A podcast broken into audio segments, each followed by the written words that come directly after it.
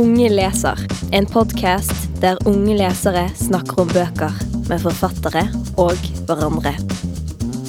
I dagens episode snakker elever fra Vågsbygd videregående skole med forfatter Vigdis Hjort. Hun var nominert til Ungdommens kritikerpris 2021 med romanen 'Er mor død'. Ja, Først av alt så vil vi gratulere deg med nominasjonen til Ungdommens kritikerpris. Takk, takk. Stor stas. Mm. Ja, Hva tenker du om å bli nominert til, til denne prisen her? Du, det, det Jeg syns det var overraskende fordi jeg tenker jo på romanen som at, det er en, at, den er, at den kanskje ikke er så lett å lese for ungdom. Da. Jeg har nok tenkt på det, så det overrasket meg faktisk. For jeg tenker, hvis jeg tenker selv på hva jeg Jeg var ikke en veldig avansert leser da jeg var ung. Jeg har vokst opp i et hus med mange bøker og sånn.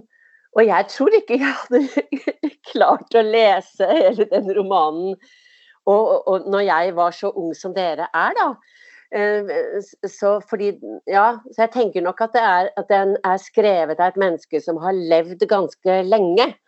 Men det er klart at jeg Det er jo en, en roman som også har tilbakeblikk på ungdom. ikke sant? Avsnitt som heter 'En gang var jeg 15 år', osv. Så, videre. så sånn sett så er det sikkert noe, men, men, jeg tenker nok at bare fordi den er såpass tykk som den er, at jeg selv som ungdom ville vært sånn Å, så mange sider! Og ah, Har du egentlig lest noen av de andre bøkene som er nominert til Fri eh, Ungdommens kritikerpris? Ja, jeg må innrømme Ja, så jeg har både og. Jeg må, må innrømme at det, jeg er ikke sånn at jeg, jeg går inn og så leser og blir veldig veldig opptatt av å vinne eller ikke vinne og den type ting, og opplever dette som konkurrenter.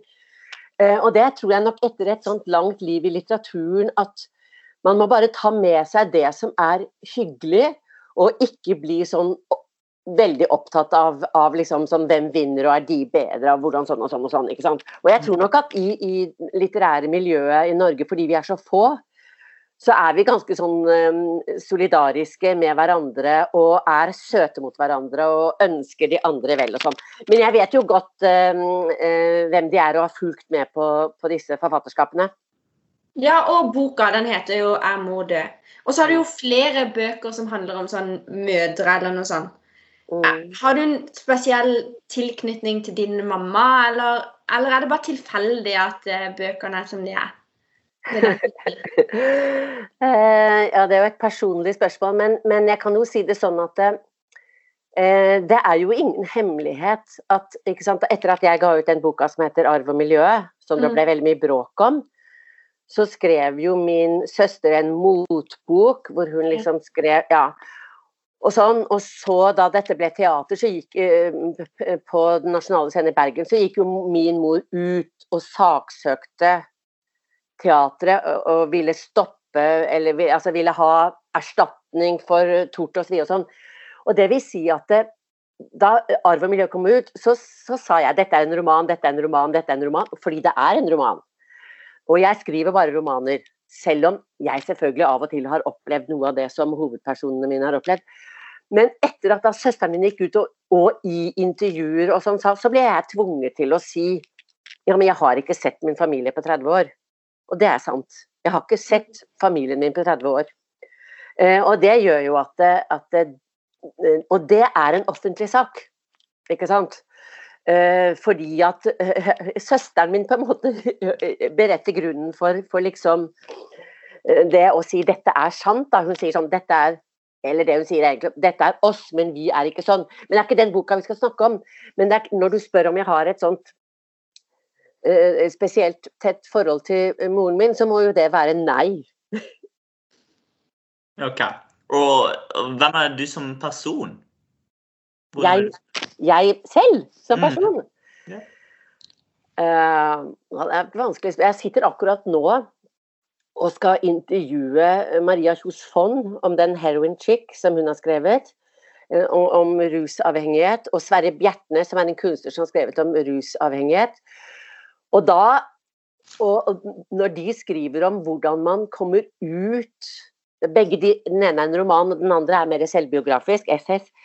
Men når de skriver om hvordan de kommer ut av sånn heavy rusmisbruk, da. Den ene med narkotika, um, hovedpersonen i Maria Kjos sin bok, og i Sverre Bjertnæs er han alkoholiker. Som, så tenker jeg fy fader, for en jobb de må liksom gjennom. Og det handler om at de f.eks. må For alle de stegene for å bli avhengige, så må de på ett trinn så må de gå og si unnskyld til alle de har skadet. Mm. Og når jeg tenker på det, så tenker jeg fy fader! Hvis jeg skulle si unnskyld, det blir en lang rekke. Det blir veldig, veldig mange. Så jeg tror nok at, at, hvis jeg er som person, og jeg tror nok alle de jeg har vært kjæreste med, sånn, så vil jeg si det, er at eh, jeg har forfulgt den derre Jeg tror jeg har overlevd på å skrive bøker. Og jeg har skrevet og skrevet og holdt på med det så mye at andre mennesker rundt meg sikkert har syntes at at jeg har forsømt dem, da. Jeg har et godt forhold til barna mine nå, men, men jeg, jeg, har ikke vært noen spesielt god mor selv. Det tror jeg ikke. De har sikkert, Hvis du intervjuet dem, så kunne de sikkert fortelle mange dumme historier om at jeg ikke har vært bra. Kan, så, så jeg er nok et Men jeg håper at jeg har selvrefleksjon, da. At jeg klarer At jeg ikke lyver for meg selv og tror og går og innbiller meg at jeg er verdens beste, og så er jeg en dust jeg håper at jeg liksom har evnen til å, å liksom til å se når jeg gjør feil, og gjerne også si unnskyld. Altså den øvelsen som de der rusmisbrukerne har når de skal gå igjennom, det er en øvelse som kanskje alle burde ha hatt. Eh, det må virkelig gå så dypt ned i seg selv og se og ja, Nei, det er, veldig, det er, veldig, spennende historier å lese om, faktisk. Ja. Det var et langt svar på et spørsmål. Det var et vanskelig spørsmål, da. Men eh, det var jo kvinnedagen i går. Ja. Og du er jo en kvinnelig forfatter, og det er jo liksom litt interessant å høre om du føler at eh, du får liksom andre spørsmål enn f.eks. Mannlige forfattere, og hvordan det er å være Om det stilles andre krav, da? Ja, altså Det er et komplisert spørsmål. Jeg tror nok det er riktig at jeg, og særlig tidligere, eh, liksom har blitt men samtidig så er det slik at eh, jeg er jo en kvinne, og jeg er forfatter. Så jeg vil ikke Jeg kan ikke si sånn jeg Det er noen forfattere som har sagt sånn Jeg er ikke en kvinnelig forfatter. Nathalie Sorot, hun sa når jeg skriver er jeg verken mann eller kvinne, hund eller katt. Men jeg er ikke der. Og jeg tror nok at når noen sier når flinke forfattere sier f.eks. For 'jeg er ikke kvinnelig forfatter', så kan man ikke ta det bokstavelig. fordi hvis man er kvinne, så er man jo en kvinnelig forfatter. Men det er kanskje det at som, Jeg tror det er Toril Moy som skriver det. At når, no, når, en kvinne sier 'jeg er ikke en kvinnelig forfatter', så er det som et, en reaksjon på en provokasjon som har med kjønn å gjøre.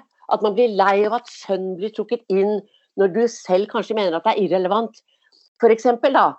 Um, og jeg tror at noen kvinnelige forfattere de skriver bøker som er sterkt preget av at de er kvinne. At du i boken kan se veldig godt at dette er skrevet av en kvinne. Mens andre skriver bøker som ikke er preget noe særlig at forfatteren er kvinne. Og da blir det irriterende å bli satt i en bås. Samtidig så er det jo slik at undertrykkede, um, undertrykkede grupper i samfunnet mm de har jo, vi har jo gjennom historien altså, Vi må av og til kunne si ja, vi har en kvinnedag fordi kvinner har hatt en lang undertrykkelseshistorie. Og vi må godta da at av og til så trenger noen ja, å få sin egen dag, Litt trenger å bli løftet fram. Som vi må kunne snakke om de som grupper. For hvis, altså, for å si det sånn, hvis historien var mindre brutal. Mindre med kriger, mindre med urettferdighet og undertrykkelse og sånn. Så kunne vi si alle skal behandles likt. Og det er målet vårt. Men når noen har lidd så mye eller vært så undertrykkede som vi ser i dag, men også som kvinner har vært, så må man også kunne gi dem noen særfordeler for å utlike. Ja, ikke sant? For, ja, du skjønner hva jeg mener. Hvilke bøker er det du selv liker å lese? Er det de samme som du selv skriver, da? Nei, jeg leser aldri mine egne bøker. Om igjen. Nei, da ville jeg bare blitt Og så syns jeg sikkert jeg er dårlig, og så tenker jeg at jeg ville gjort annerledes ting. Nei, det gjør jeg ikke. Men jeg leser veldig bredt. Uh, og så er det veldig ofte slik at jeg får oppgaver, f.eks. For eksempel så var det noen som spurte meg kan du tenke deg å skrive et foredrag om Sigrid Undset. Og så har jeg ikke lest så mye Sigrid Undset, for hun skriver mye om middelalder og sånn. Og så plutselig så leser jeg henne, og så finner jeg masse spennende. Så det er veldig ofte sånn at F.eks. da at jeg blir bedt om å da snakke om rus og litteratur og kunst. Om da med Sverre Bjertnæs, som er billedkunstner, og da Maria Kjos Fonn, som er forfatter. Så må jeg lese de bøkene. Og så blir jeg veldig begeistret for det. Så sånn sett, Jeg tror jeg er altetende. At jeg leser, uh, ja, jeg leser det som kommer, eller som blir meg. Og jeg liker alt, egentlig. Så du har liksom ikke noe spesiell sånn sjanger, eller? Nei, men jeg kan, godt, jeg kan godt innrømme at jeg er opptatt av filosofi. Altså For å si det på en annen måte det, ikke sant, Man lever, og dere er unge mennesker. Men man lever bare én gang. Mm. Og så er man så ikke sant, Så er livet går sånn og sånn og sånn, og så sitter man og ser på TV på noen rare serier, og så begynner du sånn, og så sitter du også ikke sant, Bertolt Brecht Vet du hva Bertolt Brecht sier i et bitte lite dikt som heter 'Juleskift'? Så sier han jeg sitter, Han har punktert, da. Jeg sitter i veikanten og ser på at sjåføren skifter ut et hjul. Jeg liker meg ikke der jeg var. Jeg liker meg ikke der jeg skal. Hvorfor ser jeg på hjulskiftet med utålmodighet? Og det er jo sånn vi ofte gjør. Vi sitter og venter på bussen og så Å, kommer ikke bussen! Kom. Halve livet går vi og vil at tiden skal gå. Og så plutselig så er vi døde. Og da blir det sånn et spørsmål som jeg ofte stiller meg sånn derre Hvordan skal jeg leve? Slik at ikke jeg bare plutselig sånn Å, nå dør jeg. Og så Faen, jeg har bare vært utålmodig på at tid skulle gå, plutselig skulle komme sånn. Og da, så det spørsmålet mitt er hvordan skal jeg leve når jeg vet det bare er ett liv? Og tiden går så fort, og snart er det over. Og da kan jeg lese filosofer og sånn, eller, eller poeter sånn som det som av og til da kan gi meg liksom sånn derre Hvordan skal jeg leve på en riktig måte?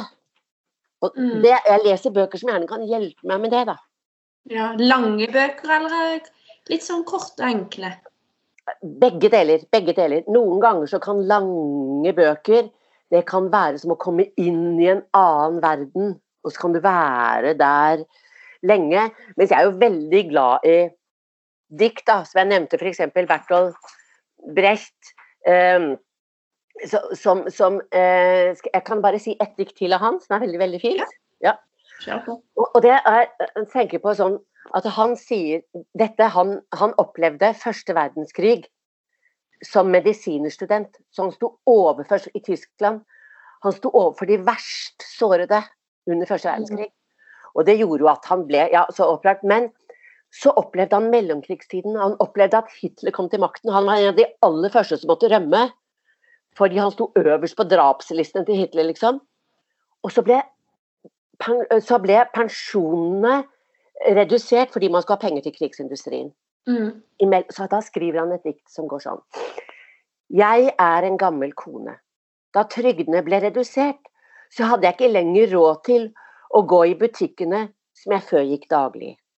Så jeg sluttet å gå i butikkene som jeg før gikk daglig.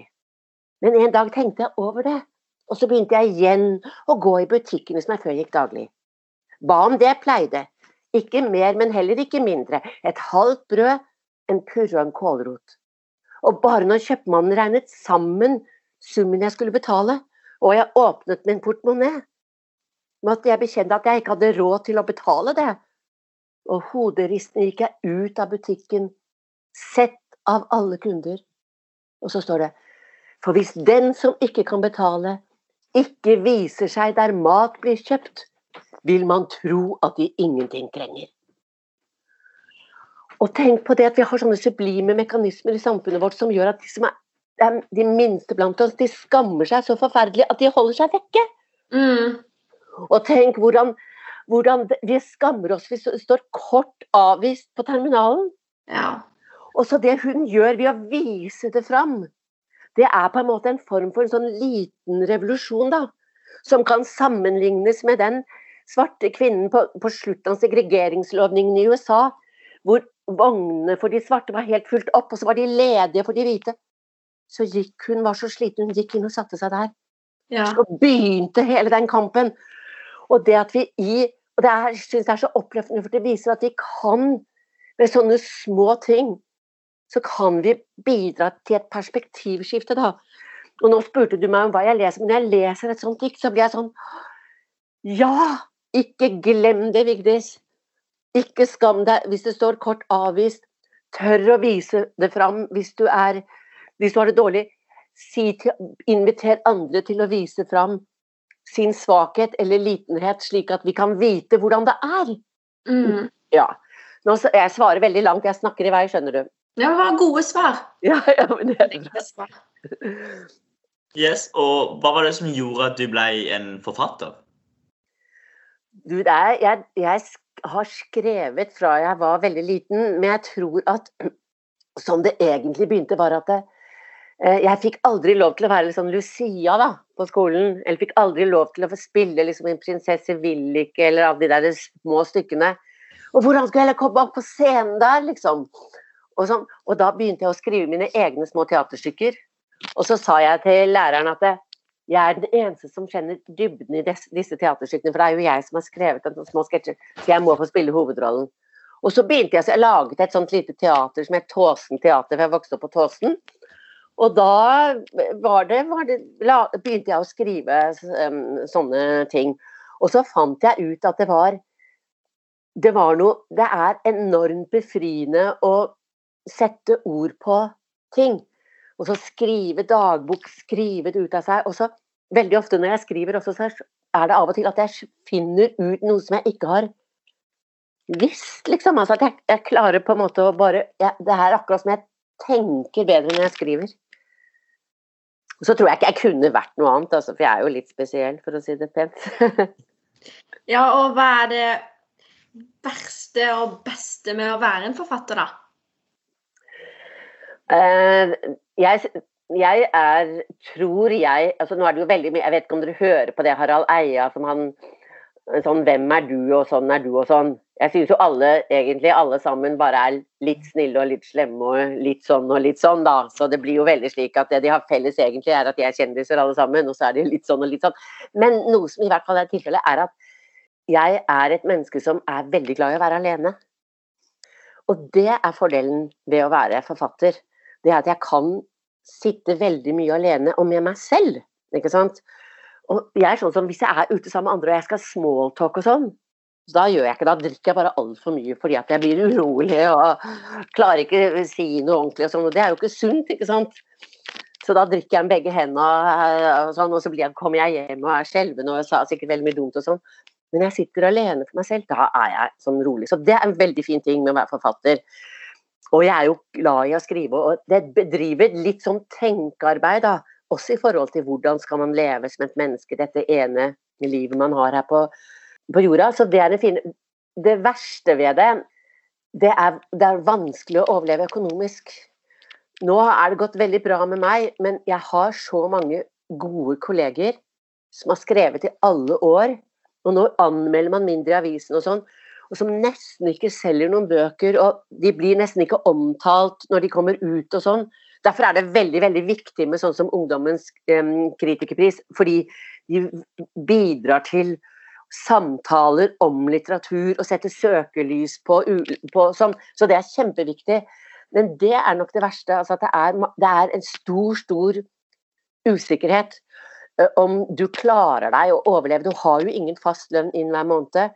Og så er det en annen ting som også kan nok være litt ille, tror jeg. at det, Veldig ofte så regnes det store offentligheten De tenker på hvis du er synlig som forfatter, da er du vellykket.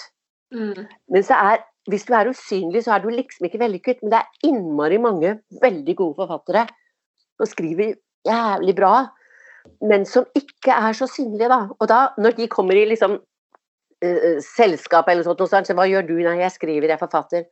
Så tror folk at å, men deg har jeg ikke hørt om. At da er du en mislykket forfatter.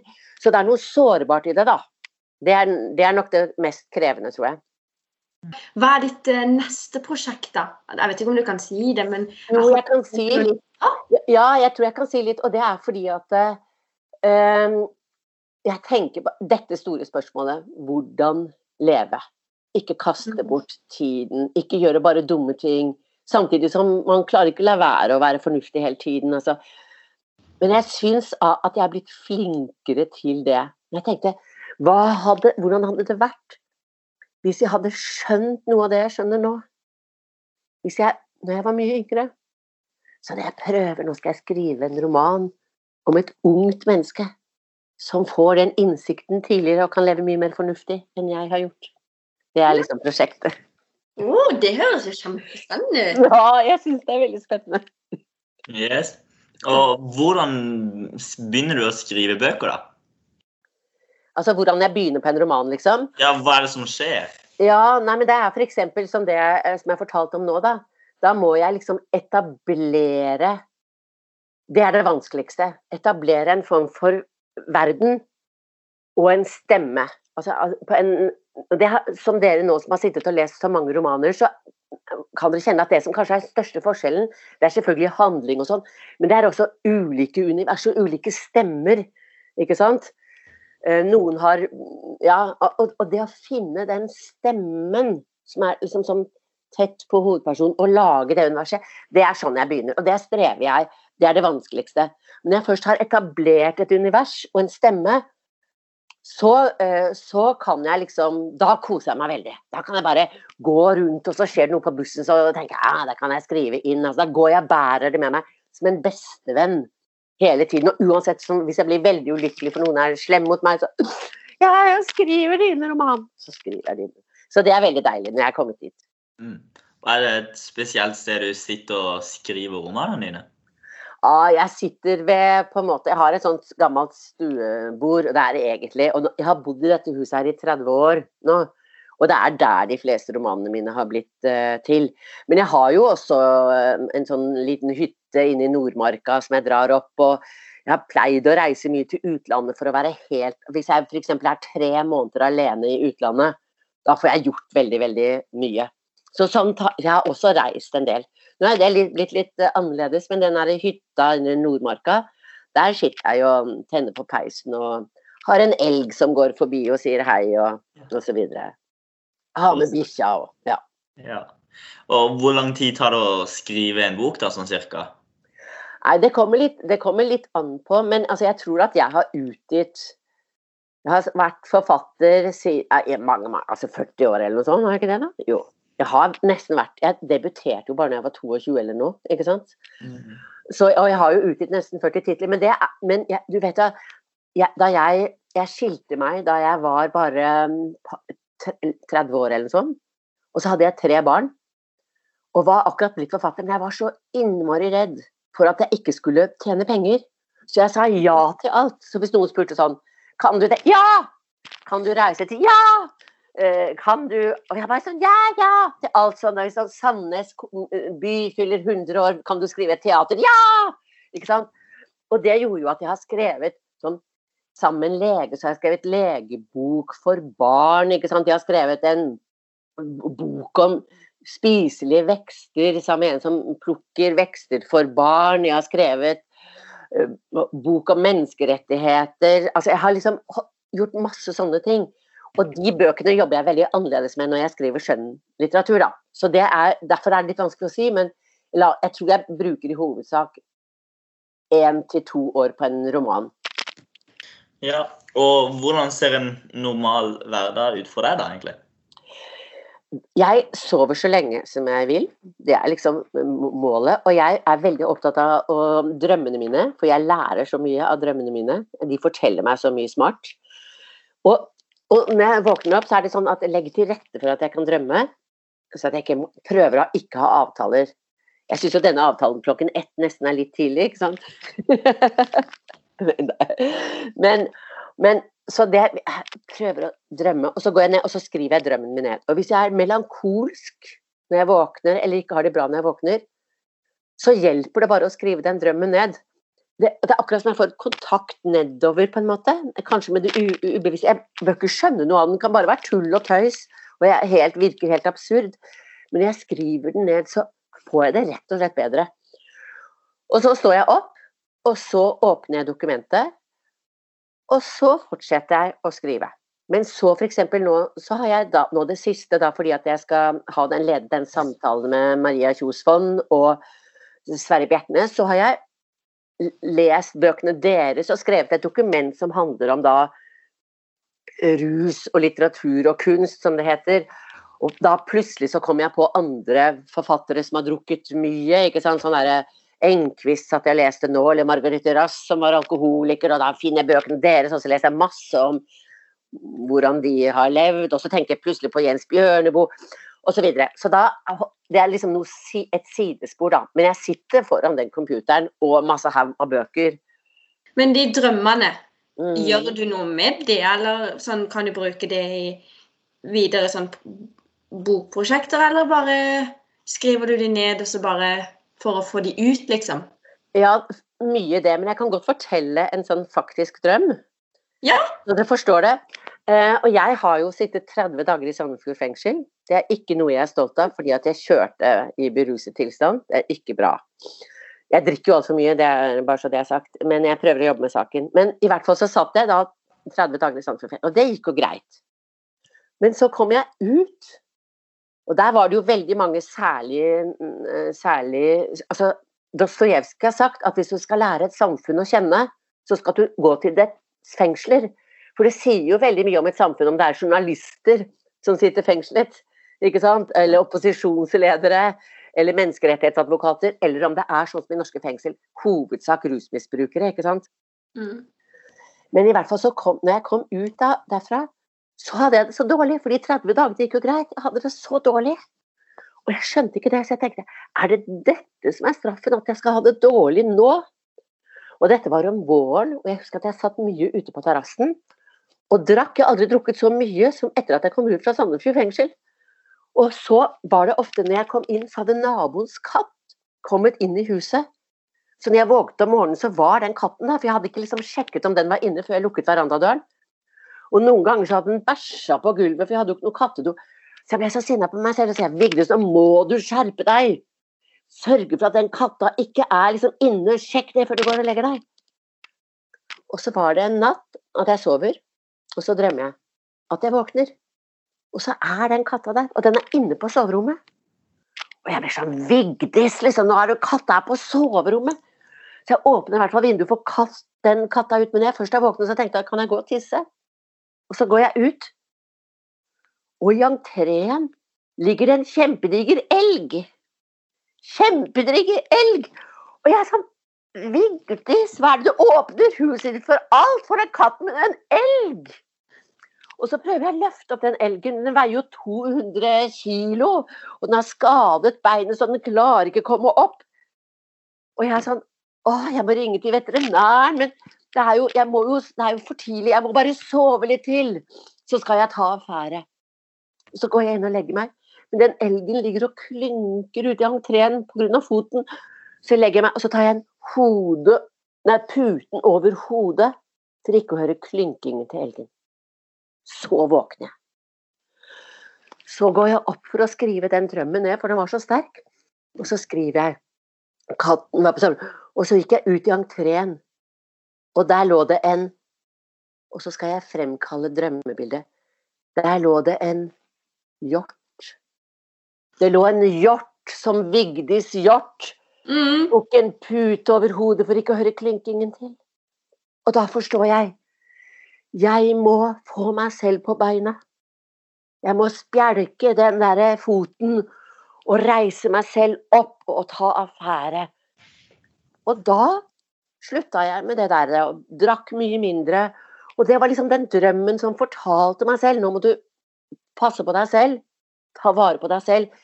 Ikke fornekte den klinkingen. Så, sånn sett så er det av og til at drømmene kan fortelle deg de, Det underbevisste vet jo veldig mye mer om deg selv enn du selv vet. Mm. Og det vil deg som regel vel. Så det vil ofte fortelle deg ting. Så, så, så derfor så, så, bruker jeg det. Og selv om jeg ikke skjønte, skjønner noe sånn, så, så får jeg det bedre. Jeg kommer en kontakt med mitt indre ubevisste, rett og slett. Og nå skal vi snakke litt om Er mor død-boka i dag. Så hvorfor valgte du akkurat denne tittelen? Ja, da kan jeg fortelle dere det at jeg passet en liten gutt på fire år. Moren er sånn alenemor uh, med dårlig råd. Og hun hadde akkurat uh, um, fått en sånn ny iPhone. Dyr iPhone.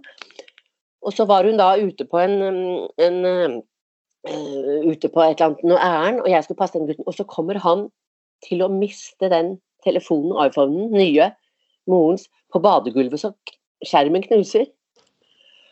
Og han blir jo bare helt sånn Mors nye iPhone og mor som har dårlig råd og Ikke sant? Så tilfeldigvis så får jeg en telefon. Og da er jeg, jeg er midt i romanen da når dette skjer. Jeg får en telefon om noe alvorlig som har skjedd. Men det har ikke noe med den iPhonen å gjøre. Men, så jeg bare sier sånn Å nei! Nei men, nei, men det er jo forferdelig. Nei, men huff. Nei! Jeg kommer med en gang. Og så ser den gutten på meg med på en måte håp i stemmen, men også med skrekk. Og sier han Er mor død? For da, da ville han jo sluppet hele skyllebøtta hvis moren var død. Og han skjønner jo ikke rekkevidden av hva han selv sier. Men det var liksom Og da skjønner jeg bare hvor viktig en mor er, og hvor ambivalent vi er til mor. For vi er som barn helt avhengig av mor. Eller det som vi da nå kan kalle da primærmennesket i et, et, et, et, barns liv. Da, den viktigste personen, ikke sant. Det kan jo være nå to menn og, og sånn. Men, men likevel da, hvor viktig dette er, og hvor, hvor avhengig barna er av primærmennesket for å kunne overleve. Men du er jo også veldig ambivalent til den du er så avhengig av, og som har så stor betydning for deg. Så det er et veldig interessant forhold å undersøke. Og videre, da. Eh, altså, boka. Eh, er den inspirert av ditt liv, eller, eller kom, bare, altså, kom, det bare til deg, det du skrev om? Altså, det er, det er, jo en kjent sak som sagt at jeg uh, ikke har kontakt med, med uh, Jeg har kontakt med, bro, med, broren min, men jeg har ikke kontakt med min mor. Og det er klart at det er, det er en underlig situasjon å være i. At et så, sånt basalt forhold som man en gang var tett på, ikke, ikke ser hverandre. Og, og, og, så, og, da har jeg jo ha, det, det, Jeg utforsker et sånt brudd i familien, da. Og det jeg tror, eller som noe jeg er opptatt av som tror jeg gjelder alle som, ikke har noe med brudd i familien å gjøre, for det er det vel ikke alle som opplever, men det er det forholdet at det, vi blir veldig opptatt av informasjon vi er avskåret fra. Altså, la oss si du er kjæreste med eh, et menneske i, veldig tett på i tre år, mm -hmm. og så mhm. sier eh, han eller hun liksom sånn «Eh, nå, jeg, nå, jeg gjør det slutt. Og forsvinner. Og så ser du ikke det mennesket. Hvem vil ikke bli enormt nysgjerrig på har, har, hun eller han fått ny kjæreste? Eller mm. at du kunne finne på å kjøre forbi og undersøke, eller prøve å søke og snoke på Facebook på finne ut, ikke sant. Så når du er nektet informasjon, da blir du veldig besatt av det. Mm. Samtidig som jeg tror at det, vi har en tendens til å dikte opp de menneskene vi ikke ser. Og jeg tror at veldig mange har opplevd at det, i i familien så er det liksom en tante Åse eller en onkel Knut som aldri dukker opp på jubileumer eller juleselskaper og på bursdager og sånn. Og hvis man da som barn spør eh, hvorfor, hvorfor han, du far, du har jo en bror som heter Knut, hvorfor ser vi aldri onkel Knut og sånn? Så vil du sikkert høre en historie sånn Nei, men han er onkel Knut, han er ikke noe greie på, han er helt gæren, eller Tante Åsa hun er jo bare, hun drikker for mye, hun er veldig ubehagelig. Det blir alltid bare drama når hun kommer. Og disse historiene som man forteller seg selv og andre for å forklare at et menneske er fraværende, de vil ofte sementeres. De blir på en måte en sannhet som forsterker, eh, forsterkes etter hvert. Og som også rettferdiggjør da, at man holder seg unna disse menneskene, fordi det er jo ikke bra osv. Der tror jeg nok at Særlig dikter vi opp våre fiender på en måte og gjør dem verre enn vi er. Det ser vi jo både i private livet, i familiære livet, men vi ser det jo også i, i, i storsamfunnet og i politikken. ikke sant? Altså Man dikter opp at fienden er umenneskelig, da. Mm. Og et, et, et konkret eksempel er jo da Hitler vil jo gå inn i Polen. Og der var det en, I Polen uh, før annen verdenskrig så var det en stor tysk uh, minoritet som bodde i Polen. Og så var det av og til knuffing mellom den tyske minoriteten og polakkene. Og så var det noe med en skolebuss som ble ødelagt eller tent på eller noe sånt noe. Og så får Goebbels, altså Hitlers propagandaminister, han får tak i bildene av gråtende tyske mødre og liksom tyske skolebarn som var blitt utsatt for dette. Og han brukte det for alt det var verdt. Mm. Se hvordan polakkene, polske majoriteten, behandler tyskerne. Se der. Brukte det gråtende barn. Og så kunne han gå inn i Polen med det tyske folks eh, velsignelse. For han skulle redde de tyske barna. Og sånn jeg tenker jo også f.eks. på Nå skal ikke jeg bli politisk, men altså når, når, når, når på en måte Norge var med på å bombe Libya, vi var de som ivrigst slagg bomber over der, så var det jo rett og slett fordi man hadde uriktige Det er vist, bevist, vi hadde uriktige opplysninger. Men det ble sådd og spredd utover for, om at um, Gaddafi hadde atomvåpen. Det hadde han ikke. Men det ble, det ble rett og slett spredd, uh, spredd uriktig informasjon. Og nå vet vi at den tidligere franske presidenten, Sarkozy, han er nå dømt for korrupsjon, for han mottok masse penger fra Libya Mm. for, for, til sin valgkamp. Og så ble det knute på tråden. Um, og, og de, de, hadde lyst til å be om pengene sine tilbake. Og så blir det knuffing. Og så er han med på å oppfordre til å bombe Libya. Og hvordan ser det ut i Libya? Man kommer inn og bomber. Det var tross alt Ja, det hadde en forferdelig diktator, men det var et velfungerende system. Du hadde infrastruktur, du hadde sykehus, du hadde skoler. Det var ikke lett for de som var mot Gaddafi, nei, men det funket. Og nå ligger landet i ruiner. Så de bomber. De ryddet ikke opp. Men poenget er nå at man tegner fiendebilder, og så får du befolkningen med. Vi skal redde det libyske folket fra den forferdelige diktatoren. Når bombene har falt, vi trekker oss tilbake, så ligger landet i ruiner uten De har jo ingenting der nede nå. Det er forferdelig. Men ok, i hvert fall, det, men dette foregår på den, på den internasjonale politiske scenen, men det foregår også i, i, familier. Og her tror jeg jo at i Eimordø så har moren og Ruth har diktet opp Johanne litt verre enn hun er, for å slippe å ha noe med henne å gjøre. Mm. Og så dikter jo også Johanna opp moren, og det er så vanskelig for Johanna å tro på at moren virkelig ikke vil se henne. At Johanna dikter opp at det er Ruth, det er søsteren, som er den som hindrer moren. ikke sant? Ja. Men for Johanna, hun er jo på en sånn eh, Hun drar eller hun flytter jo til den lille hytta. Mm. Og den minte meg jo litt om din hytte når du sa det var en elg. For hun fortalte jo at det gikk Var det ikke en elg eller hjort som gikk forbi? Jo. Tenkte liksom, Det kan jo være litt sånn eh, Der.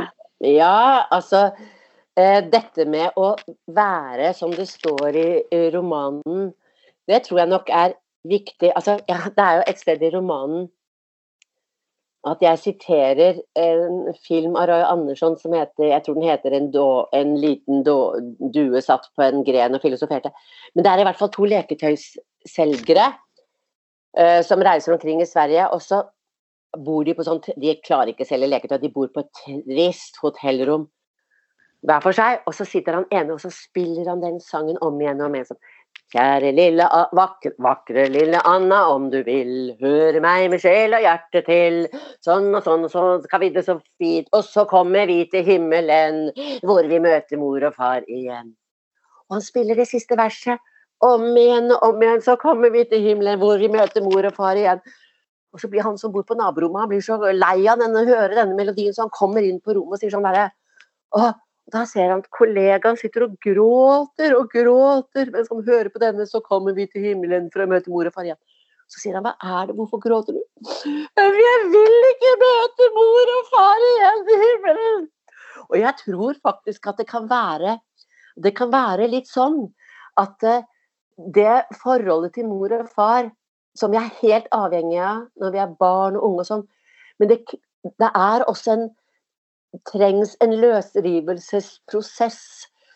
For det er en avhengighet som, vi også, som også er sunt å komme, å, å komme bort. Og jeg tror nok at Johanna, hun kjenner på etter hvert at hun er fra jord, ikke fra mor. Mm.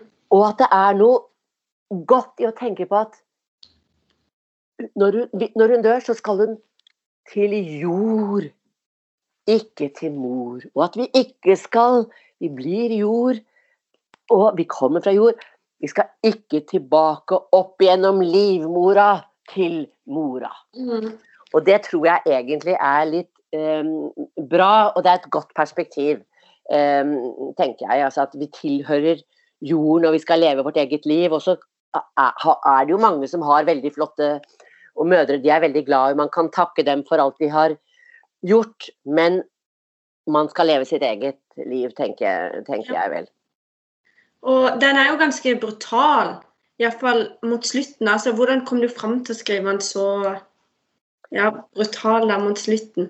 Mm, jeg, kan for, jeg, kan gå en omvei og si at jeg var, da, jeg jobb, var, da jeg var ung, så jobbet jeg eh, på, på teater. Jeg var veldig forelsket i en veldig sånn kjekk mannlig skuespiller på teatret. Og jeg var så ivrig, vet du, så det var på en fest, og jeg kom sånn Skal vi danse? Nei, han vil ikke danse. Sånn. Skal vi danse? Så kom jeg bort og sa fire-fem ganger spør jeg liksom Skal vi danse? Han vil ikke danse.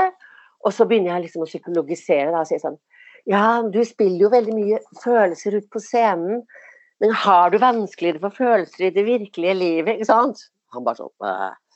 Og så gikk han på do. Når han kommer ut fra do, så sier jeg 'Skal vi danse?' Så tar han meg her i kragen, trenger meg opp mot veggen og sier 'Jeg vil ikke danse med deg!'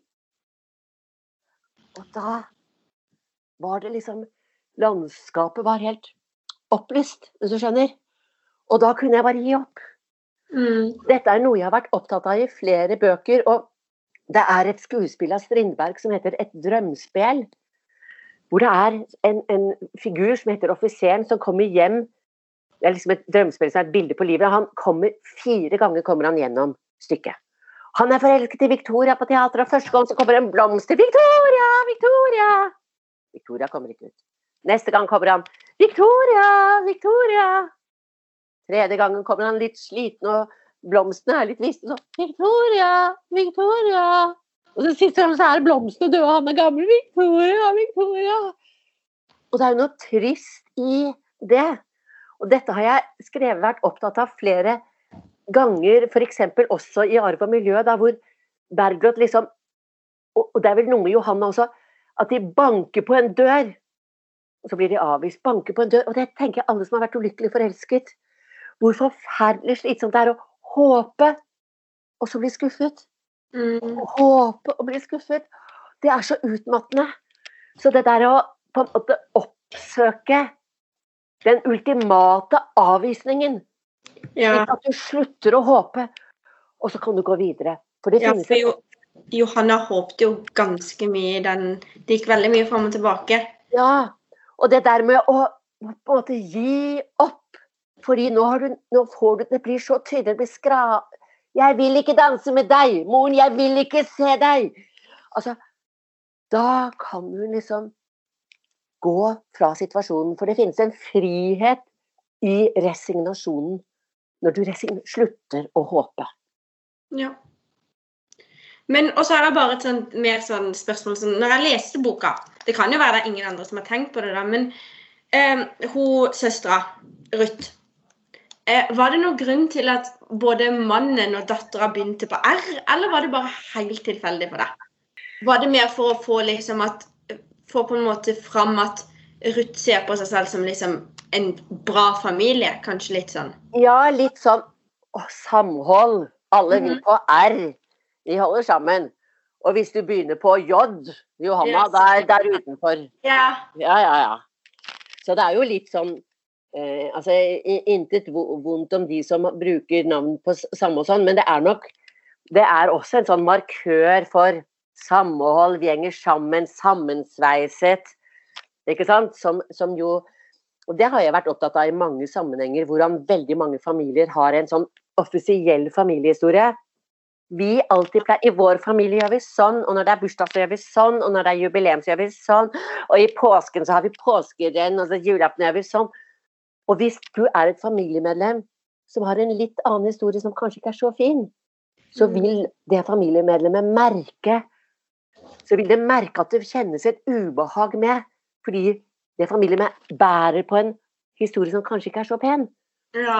Og da vil, når det familiemedlemmet går, så kan Janne sånn puste Åh, nå gikk hun. Åh, nå gikk han. Ja. Åh, nå kan vi slappe av og være oss selv, liksom. Um, så den dynamikken har jeg vært uh, liksom uh, opptatt av. Hvordan man da også, som jeg før nevnte, at de da, alle på R, begynner å snakke stygt om den, den på J som er utenfor, for å rettferdiggjøre at det mennesket uh, liksom er, er, dumt, og derfor ses vi ikke, osv. Johanna hun kunne jo følt litt på det, fordi sønnen heter ikke han Jon, eller Så hun kunne jo ja, ja, Hun skulle kanskje kalt ham for Pål, eller noe sånt. ja, og hun heter Johanna, så kanskje hun fikk den følelsen av at hun liksom ville prøve å få sin egen sammensveisa familie på den ja. måten. Du, vet du hva, det er veldig godt sett. Det har jeg ikke tenkt på, men det er veldig godt sett. Der har du et veldig godt poeng. Det er veldig godt lest. Altså, den var jo ganske lang og hadde veldig mange sånn lange setninger med mange linjer, altså bare med komma. Ja, ja, ja. Var det bevisst å skrive det sånn, eller? For det var ikke så mye liksom, punktum, det var ganske lange setninger nedover. Ja, nei, altså der Det er nok eh, Det er det, det kommer på en måte. Altså bare sånn Det er noe som skjer intuitivt. Uh, så jeg bare lar det skje. Og så, når jeg leser igjennom selv, så sjekker jeg om jeg syns det, syns det, passer. Og Det er derfor jeg har tenkt at denne romanen sikkert ville være at jeg ble overrasket over nominasjonen. For jeg tenker at den kan være krevende for unge mennesker som ikke er trenede lesere. Men samtidig så, så jeg, kan ikke, jeg kan ikke ta hensyn til det hvis jeg tenker fordi det er ikke bare handling eller, som går fra dit. Det er også en form for sånn energi eller stemning eller strøm, da som også har noe med litterær kvalitet å gjøre. Ehm, men jeg tror at hvis jeg skulle skrevet den samme liksom, historien, samme tematikken, men for ungdom, for jeg har jo skrevet bøker for ungdom, så hadde ja. det nok sett annerledes ut. Mm. Men nå er, jo ikke, er jo ikke dere Dere er ungdom, men dere er jo full på vei inn i voksenlivet, ja. da. Ja. Så dere er jo ikke Det er jo ikke Det ser jeg jo på, på Altså, og, og, det hører jeg jo på lesningene deres også, at dere er jo oppegående og intelligente og modne, ikke sant.